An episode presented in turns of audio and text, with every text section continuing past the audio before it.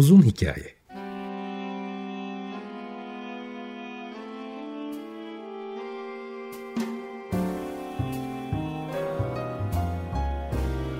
Sinir bilim, psikoloji, felsefe ve müzik.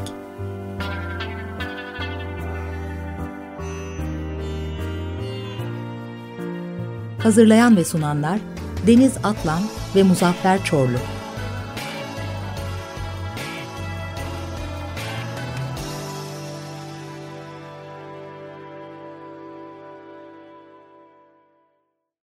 95.0 Açık Radyo'dan, Açık Radyo.com.tr ve onun uzun hikayesinden herkese selamlar. Uzun bir süredir tekrar e, depremden sonra e, normal konularımıza yavaş yavaş dönelim istiyorum. Bu arada epey bir e, konuklu programlarımızı sürdürdük. Özellikle deprem özel programlarında hem e, konunun uzmanlarını, özellikle psikiyatristleri, e, psikoloji uzmanlarını yoksulluk üzerine de yaz üzerine de e, çeşitli konuklarla konuştuk ve son derece yararlandım. Umuyorum e, yaklaşık iki aydır yaptığımız bu özel programlarda e, birazcık faydası olmuştur. Umuyorum.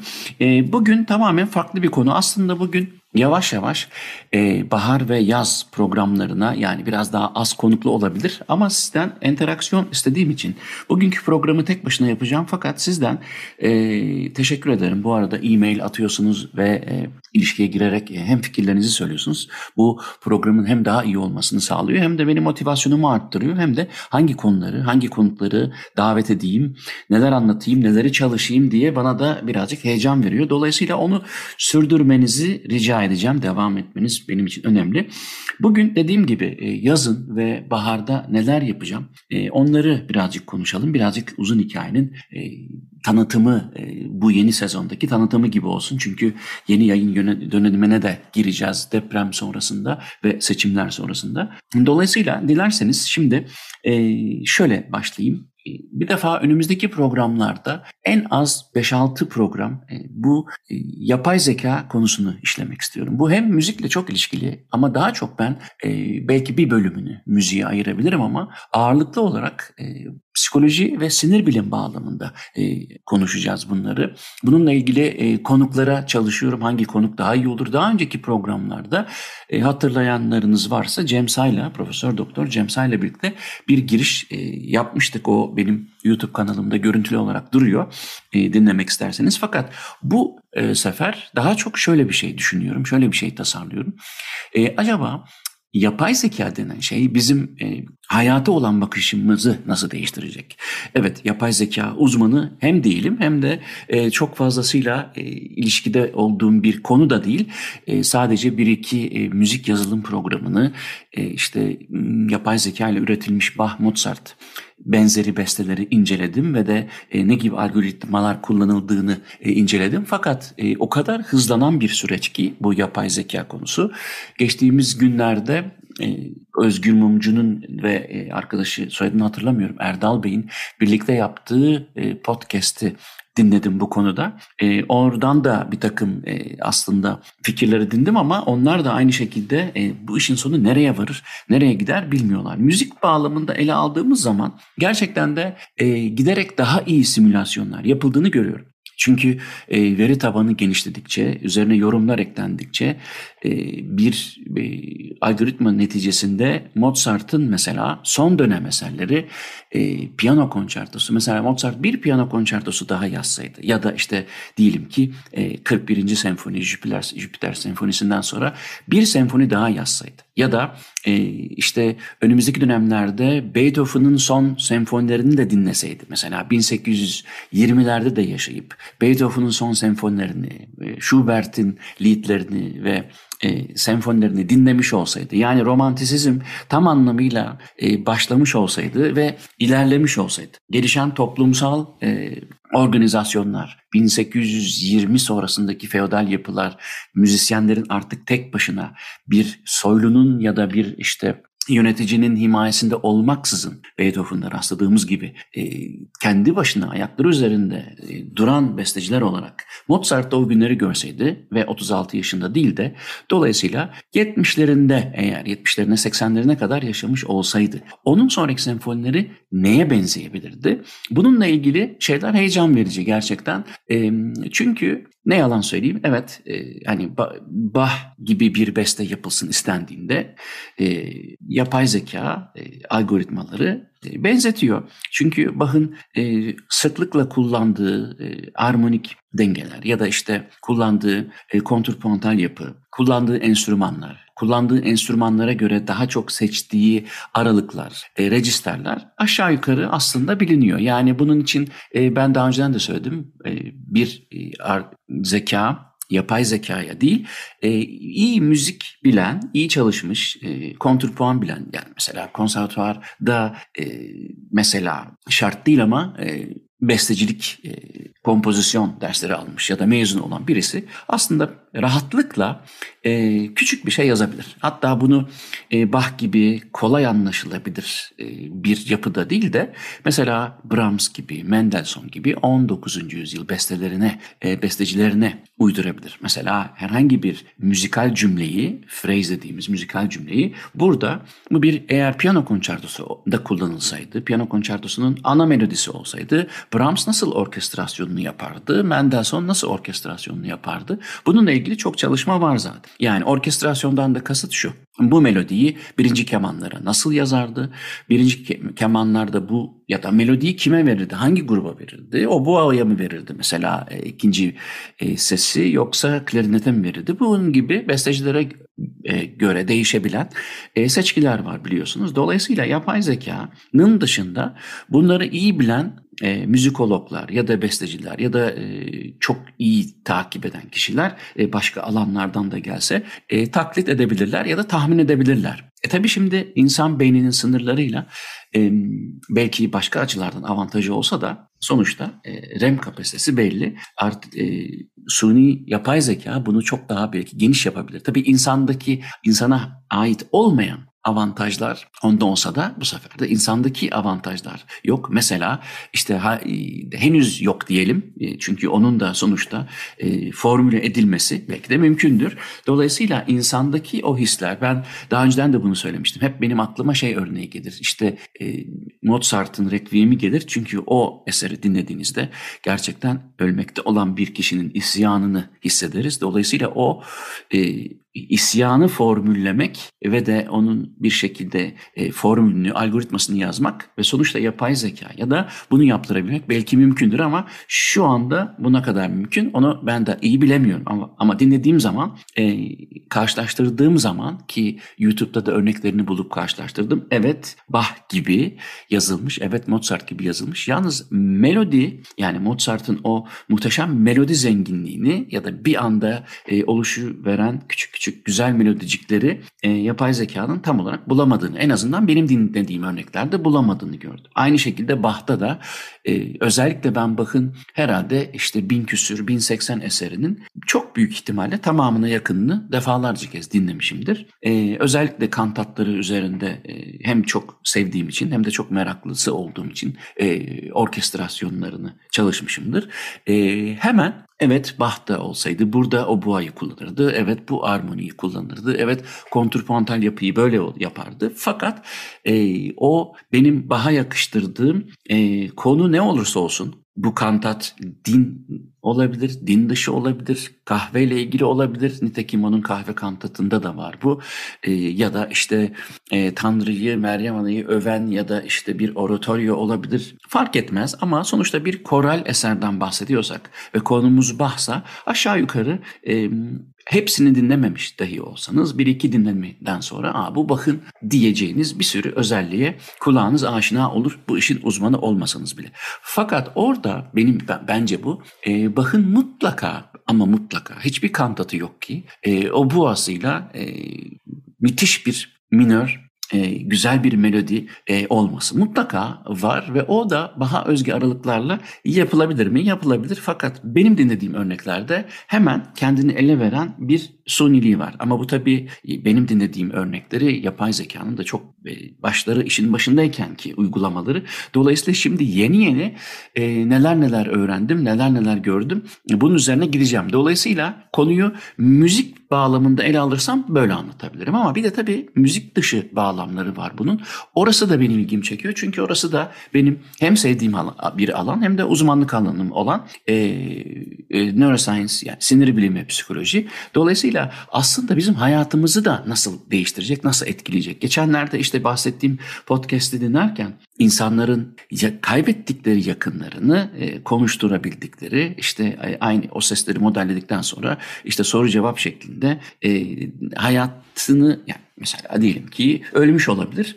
E, tekrar geri getirip o sesle bir takım soru cevaplar yapılarak bir sohbet ortamı yapılabildiğini artık biliyoruz.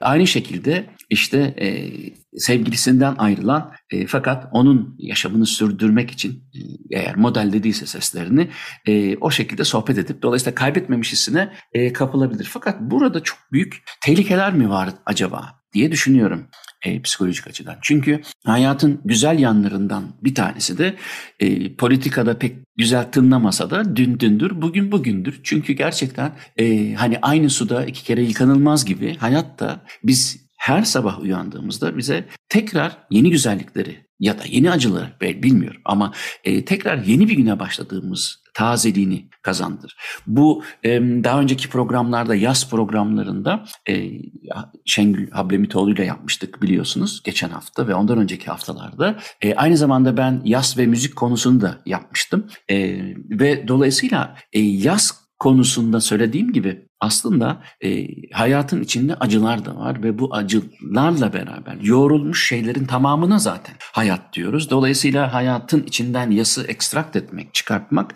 hayatın kendisinden bizi uzaklaştırıyor. Çünkü donanımımızda e, yas tutmak var, e, acınacak hale gelmek var.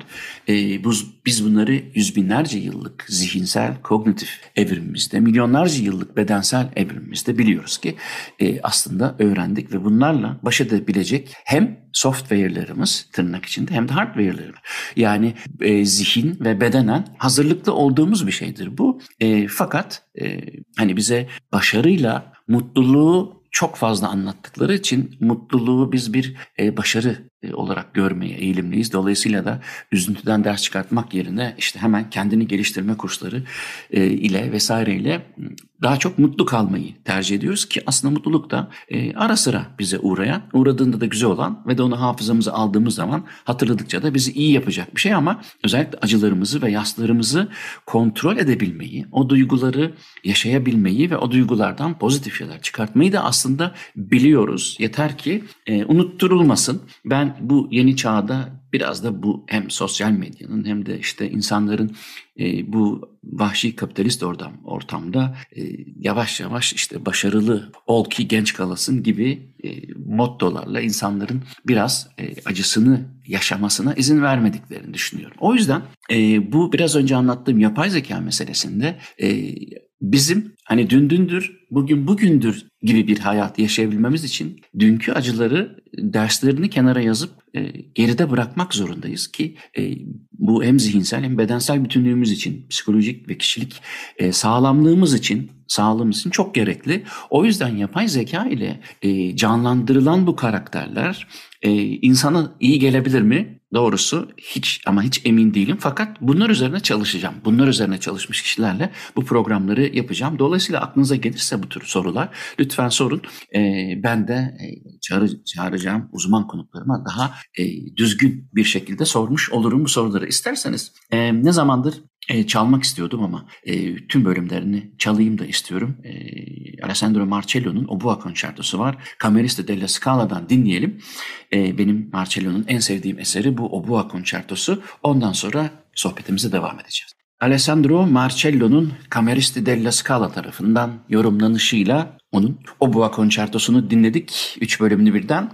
E, Marcello ilginç bir besteci. Benim de çok sevdiğim besteci. E, aslında çok güzel e, eserlerinin başka enstrümanlara e, transpozisyonu da, transkripsiyonu da mümkün. O yüzden belki daha sonra e, bunu mesela bir de gitardan e, dinletmek isterim konu geldiğinde. Şimdi e, müzik arasından önce yapay zekanın müzikle olan e, ilişkisini birazcık ele aldım ama onu tekrar söyleyeyim e, çok ayrıntılarıyla işin içine e, girmek istiyorum. Benim bıraktığım yerden sonra çok büyük gelişmeler oldu e, ve bu büyük gelişmeler e, aslında bizi bu programı yıllardır yapıyorum aşağı yukarı. E, gitarist İmo ile başlayan serüvende neredeyse artık 25 yılı devirdiğim bir e, programcılık serüveninde. O zamandan bu zamana gelen gelişmeler içerisinde en hızlı gördüğüm hani bir ara internet tamam okey. Ama şimdi e, yapay zeka çok acayip bir yerlere giriyor gidiyor ve o müzikle olan ilişkisini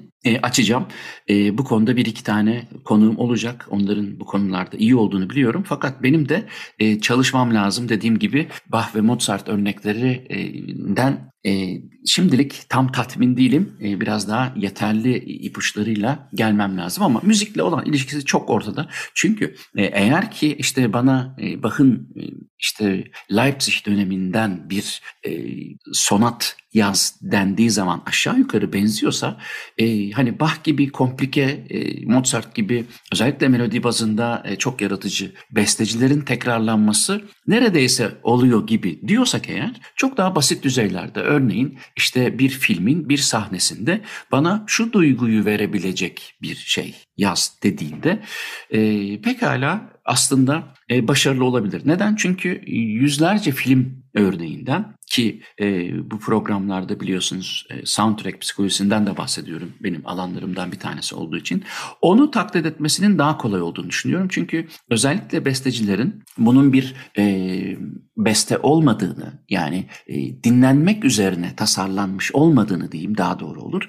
E, görüntüyle beraber algılanacağı için bu proseste iki farklı duyunun hesaba katılacağından ötürü biraz daha e, resme yakın bir kompozisyon yaparlar. Yani müzik resmederler. Ben öyle diyorum. Çünkü e, sinemada film seyrederken ya da işte evde televizyonda film belgesel e, seyrederken fark etmez ya da dizi oradaki duyguyla ilişkili olarak ki defalarca hem Tarantino'nun hem Coen kardeşlerin hem e, önemli müzik e, soundtrack bestecilerinin e, Morricone olabilir, Hans Zimmer olabilir ya da işte John Williams olabilir. Onların neler yapmaya çalıştığını e, defalarca anlattım. Bunun podcastleri hem Spotify'da var hem benim YouTube kanalımda var. Oradan ayrıntılı bakabilirsiniz. Fakat artificial intelligence'da yapay zeka ile nereye gidecek? Bence o iş çok iyi bir yere gidebilir. Çünkü e, iyi müzik peyzajı örneklerinde yani herhangi bir sahneyi e, müziklemeye kalktıklarında istenilen duygunun ya da istenilen algının oluşabilmesi için bestecilerin e, hakikaten iyi fikirleri olabiliyor. Çünkü çoğunlukla aslında tamamen kendini besteci olarak tanımlamış kişilerin bu alana fazla girmediğini görüyoruz. Daha çok işte soundtrack müzikleri yapıyor fakat hani büyük bestecileri orada pek görmüyoruz. Ara sıra evet olabiliyor. Stravinsky olabiliyor. E, ara sıra Shostakovich'in kullanıldığını görüyoruz ama bu büyük bestecilerin o görüntüler için beste yaptığı anlamına gelmiyor. Kullanılıyor. Yani bu e, Space Odyssey'de de var. E, o kadar çok filmde klasik müzik kullanılıyor ki ama orada bir paralel oyun var. Paralel oyundan kastım kastım şu hani çocuklar e, belli bir yaşa kadar paralel oynarlar ya. Yani bununla şu kastedilir. Evet bir araya gelmişlerdir. E, çok severler bir arada oynamayı. E, fakat aslında ilişkileri yoktur birbirine. İkisi farklı oyunlar oynar ama aynı yerde oynar. Ona paralel oyun. Yani beraber e, iletişime geçerek, etkileşime geçerek bir e, hani mesela evcilik oynamak gibi o daha ileriki yaşlarda olur ama daha küçük yaşlarda iki yaşlarında, üç yaşlarında aslında beraber oynamayı severler ama beraber aynı yerde oynamayı severler. Birbirinden farklı şeyler oynarlar. Ona da benim eskiden biz ona paralel oyun derdik. Hala öyle mi deniyor bilmiyorum. İşte onun gibi görüyorum ben bu soundtrack bestelerini. Eğer klasik müzik kullanmışlarsa yani yönetmenin o besteciden haberi yok o bestecinin e, o eseri niçin yazdığından haberi yok. Varsa da yüzeysel olarak vardır ya da tahmini vardır. Aynı şekilde de bestecinin zaten ileride yapılacak olan filmle hiçbir alakası yoktur. Fakat gene de onlar bir araya çok güzel gelebilir. İşte Richard Wagner'i çok iyi kullanabilirsiniz bir e, Stanley Kubrick filminde. Çünkü e, uzay tasvirleri gerekiyorsa mesela Wagner'in o çok geniş registerli e, gerçekten de bize evreni düşündüren e, peyzajı ki işte Wagner oboasından tutun da yani 9-10 oktavlık bir perspektifte müziği yazdığı için bize de büyük geniş alanları hissettirir. Bununla da uzayı bağdaştırmak çok e, yabancı kaçmaz. Ya da aynı şekilde işte bir aşk filminde mesela işte bir Chopin ya da Schubert lead'i kullanırsa ve ilgili lead'i kullanırsa e, konu anlaşılabilir. Bu tür paralellikleri aynı zamanda işte geçenlerde gene bir film seyrettim 14. ile ilgiliydi ve tabii ki e, 14. Louis filminde de bol miktarlarda o dönemde çok ünlü olan Jean-Baptiste Lully gibi, Marc-Antoine Charpentier gibi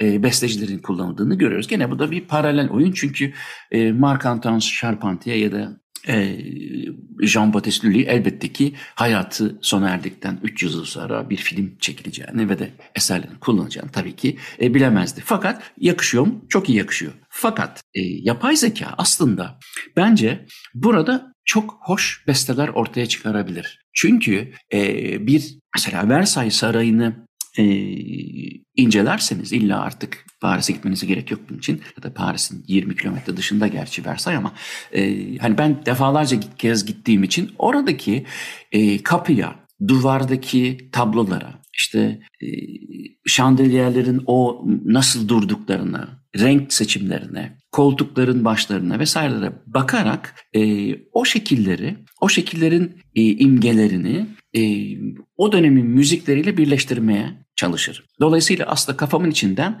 benim kendi zekamın ve tecrübemin olanak verdiği kadarıyla e, odalar değiştikçe ben de kendim e, o dönemden bildiğim müzikleri geri getiririm ama birazcık müdahale ederim e, renklerine. İşte orada oboayı duymam da klarineti duyarım ya da işte ya da oboa de amare'yi duyarım. Kendi kendime oyunlar yaparım.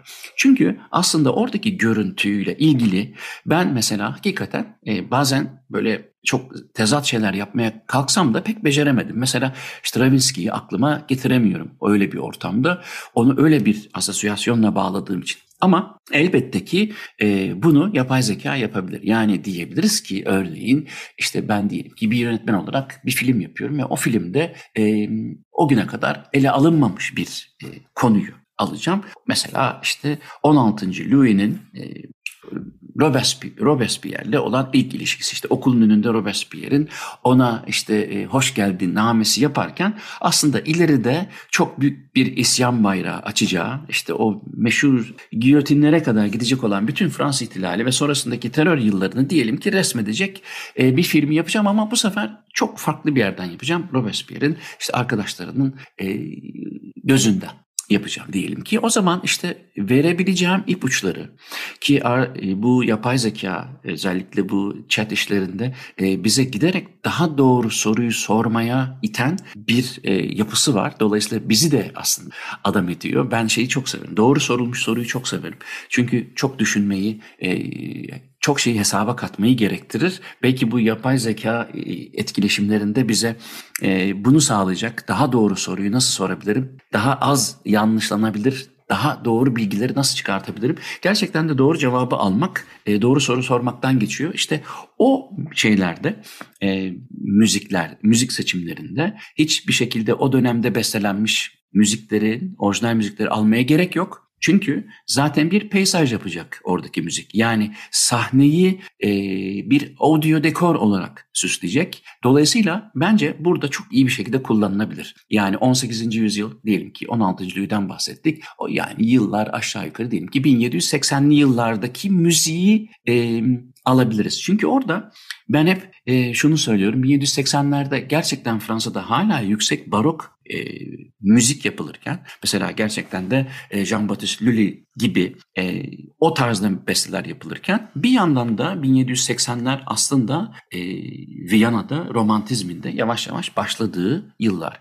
Evet Beethoven 10 yaşında ama Mozart da e, en olgun döneminde ve Mozart'ın öyle eserleri var ki Elvira Madigan gibi aslında e, romantik dönemin e, unsurları olarak bile e, ele alınabilir. Hatta alınıyor da. Dolayısıyla e, yapay zeka işte bu iki e, müzik türünün aynı yıllarda yapılmış olmasına rağmen bence aralarında 100 yıl fark var. E, onların örneklerini e, art, e, yapay zeka ve müzik konusunda size dinleteceğim. Yani 1780'de Fransa'da e, yapılan Fransa saraylarında yapılan barok müzikle e, Viyana'da e, yapılan müzik arasında e, çok büyük fark, kırılmalar vardı. Dolayısıyla bunun aritmetik ortalaması e, eğer yapay zekanın formüle ettiği şekilde ortaya konulursa çok özgün şeyler yapılabilir. Çünkü oraya aynı zamanda işte Victor Hugo'nun romantisizmi de sokulabilir. Neler neler yapılabilir e, ve film için kullanılabilir. Ben sanki yapay zekanın en çok e, oralarda e, ilk önce diyelim kullanılacağını düşünüyorum. Bir örnek daha e, vereceğim ama bir müzik arası daha verelim. Biraz önce Marcello'nun Boa Concerto'sunu dinlemiştik. Marcello, Marcello'nun bu Boa Concerto'sunu aslında iki gitarla çalan e, Henderson Claude Duo var. Çok da güzel ama o onu çalmayayım bugün. O biraz uzun. E, onun yerine Drew Henderson e, çok iyi bir gitarist, klasik gitarist. E, Dionisio Aguado'nun e, en önemli eserini çalacak bence. O da introdüksiyon ve rondo. Sonra devam edeceğiz. Drew Henderson, Dionisio Aguado'nun introdüksiyon ve rondosunu çaldı. E, bugün önümüzdeki programlarda neler yapacağız? Önümüzdeki bahar ve yazı kapsayan e, süreçte ne konuları ele alacağız onu konuşuyorduk. Onlardan bir tanesinin yapay zeka olduğunu söyledim. Hem müzikle ilişkilendirdik hem filmle ilişkilendirdik. Ama işin dediğim gibi e, bir de psikolojik ve e, sinir bilimsel tarafları var. Hatta sosyal psikolojik tarafları var. Onlardan da biraz bahsettim ama orayı da biraz açayım. Dediğim gibi bu sadece işte daha önce e, kaybedilmiş birisinin e, sesinden yararlanılarak ya da yola çıkılarak onunla tekrar konuşmayı ya da işte kendi e, cenaze töreninde son konuşmasını yapan bir kişiyi kastediyor olabilir. Şimdilik bunlar popüler ama bence daha önemlisi e, aslında e, giderek dijitalize e, olan insanın sosyal hayatı e, kelimenin tam anlamıyla dijitalize olmak üzere de diyebiliriz. Yani biz bundan sonraki ilişkilerimizde e, referans noktamızı yapay zeka ürünleriyle ilişkiye girmemizin sonucunda e, geliştirdiğimiz e, reflekslerle de belirleyeceğiz. Şunu demek istiyorum. Bir e, yapay zeka örneğinde e, biz artık daha kendimize göre e, tasarlayabildiğimiz bir sosyal ilişki, sosyal ağ yaratabileceğiz. E, çok belli ki e, onu giderek e, rafine ede ede daha da istediğimiz şekle getirebileceğiz. Bunu bazı örneklerinde görüyoruz aslında. Fakat bu insan zihninin alışması açısından bize bir süre tanıyacak mı? O konuda işte şüphelerim var. Çünkü insanın her türlü değişikliğe adapte olabileceği malum. Fakat e, o adaptasyon sürecinde e, basamakların nasıl aşıldığına bağlı olarak bu bir travmaya da yol açabilir ya da işte ayakta kalma yönelik bir e, başarılı adaptasyona da yol açabilir. Dolayısıyla bir değişikliğin e, hayatta kalmak için bizim e, başarılı adaptasyon sürecine götürüp götürmeyeceği o sürenin bizim zihinsel ve bedensel açıdan e, grasp edebilmesini yani tamamen hazmedebilmesini o süreci bize o süreyi tanıması gerekiyor. Şimdi buradaki tehlike bana göre bu ama bunu iyi çalıştıktan sonra e, çok daha iyi ifade edebileceğimi düşünüyorum çünkü e, konuya tam vakıf olamadığım yerler var.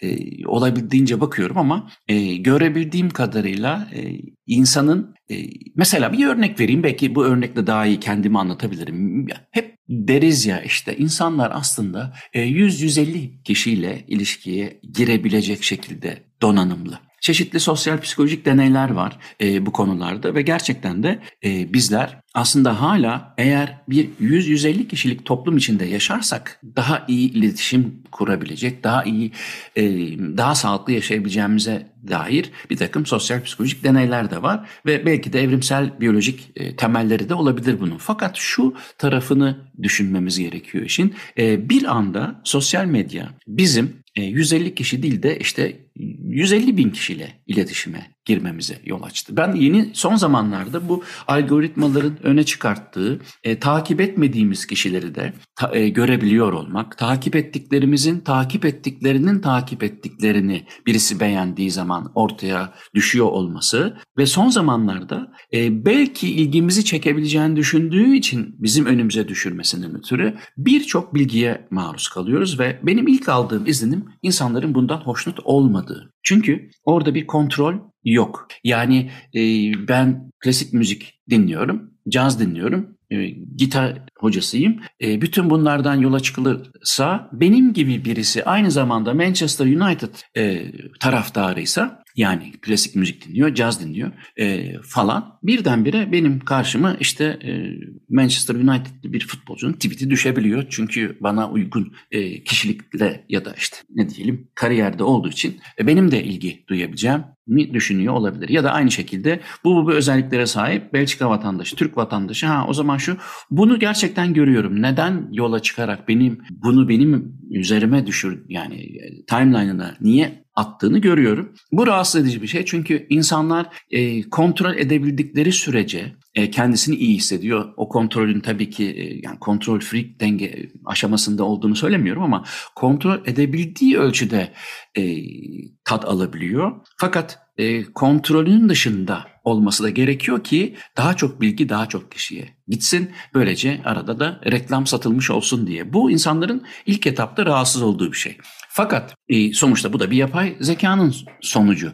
Burada ne atlanmış oluyor? Aslında insanın günlük bilgi ihtiyacı ve günlük insanlarla dijital olsun, sosyal medya üzerinden olsun ya da yüz yüze olsun e, bir limiti var. E, bu limit aşıldığı zaman işte bu hani sürmenaj gibi bir etki uyandırıyor ve de insanlarda sıkılma yaratıyor, e, sinirlenme yaratıyor ve gerçekten de sosyal medyada ben işte onunla ilgili bir araştırma okudum yeni. E, onu da detaylandıracağım. Tam bir program yapılacak gibi bir e, araştırma. İnsanlar fazlasıyla bilgi geldikten sonra e, aslında e, giderek gündelik hayata uyum sağlamada e, zorluk çekiyor. Ben bunu kendi üzerimden çok net bir şekilde anlatabilirim size. O da şöyle, e, bazen dalıp gidiyorum. E, biraz da prokrastine ediyorum tabii. Şuna bakayım, şöyle yapayım. Aa bu, bu demiş, bu bunu demiş, şu şunu demiş.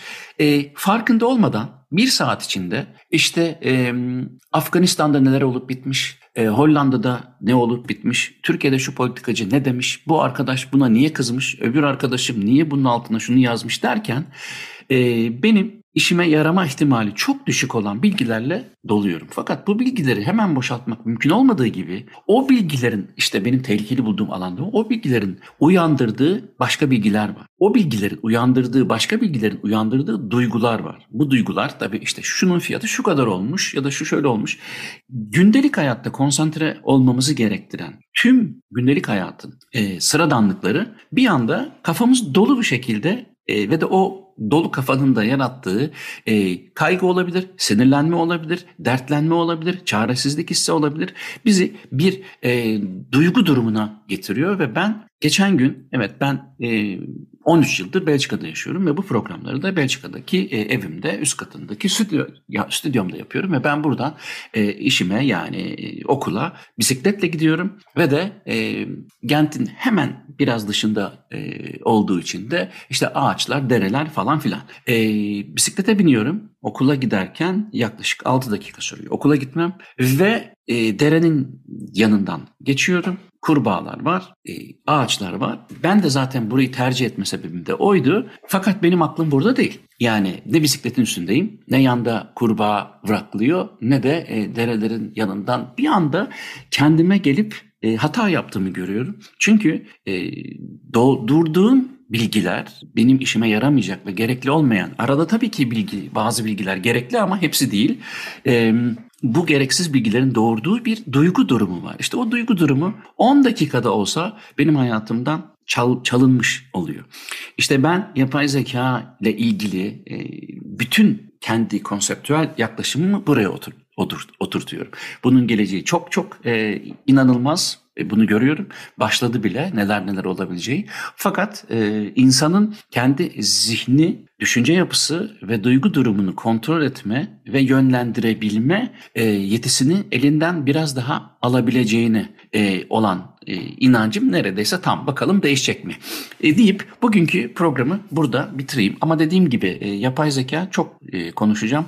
E, lütfen bana e, bu konuda aslında e, aklınızda olan şeyleri sormanızda fayda var. Ben çünkü bu konunun uzmanlarını bulup e, onlarla program yaptığım zaman her bir bakış açısını ele almaya çalışacağım. Ama tabii sadece yapay zeka olmayacak. E, onu da söyleyeyim. E, gene benim e, uzmanlık alanlarımı daha fazla e, hesaba katarak yapacağım programların içerisinde e, filmler var. Bu arada dizileri e, bazı dizilerdeki müzik kullanımlarını biraz konuştum ama onu açacağımı düşünüyorum. E, bazı kitapları e, açacağımı düşünüyorum. Yeni e, e, kitapları elime gelen kitaplar var. Onlarla ilgili hem yazarlarıyla hem de e, belki okurlarıyla programlar yapmaya devam edeceğim. E, dolayısıyla bana ulaşmak için Muzaffer Gmail adresine yazabilirsiniz. Önümüzdeki haftalarda tekrar konuklu programlara e, döneceğiz. E, ben teşekkür ederim. Bu yayın için özellikle gönderdiğiniz e-mailler çok hoşuma gidiyor. E, orada birileri var ve bunu dinliyor hissine e, hep ihtiyaç duyuyorum. Çünkü dediğim gibi e, biraz da uzakta olunca e, insan bazen e, hakikaten dinleyen var mı, orada biri var mı, sesim geliyor mu gibi bir hisse kapılıyor ama çok şükür sizden geldi, gelen maillerden anladığım kadarıyla dinleniyor. Okey o zaman haftaya görüşürüz. Hepinize günaydın.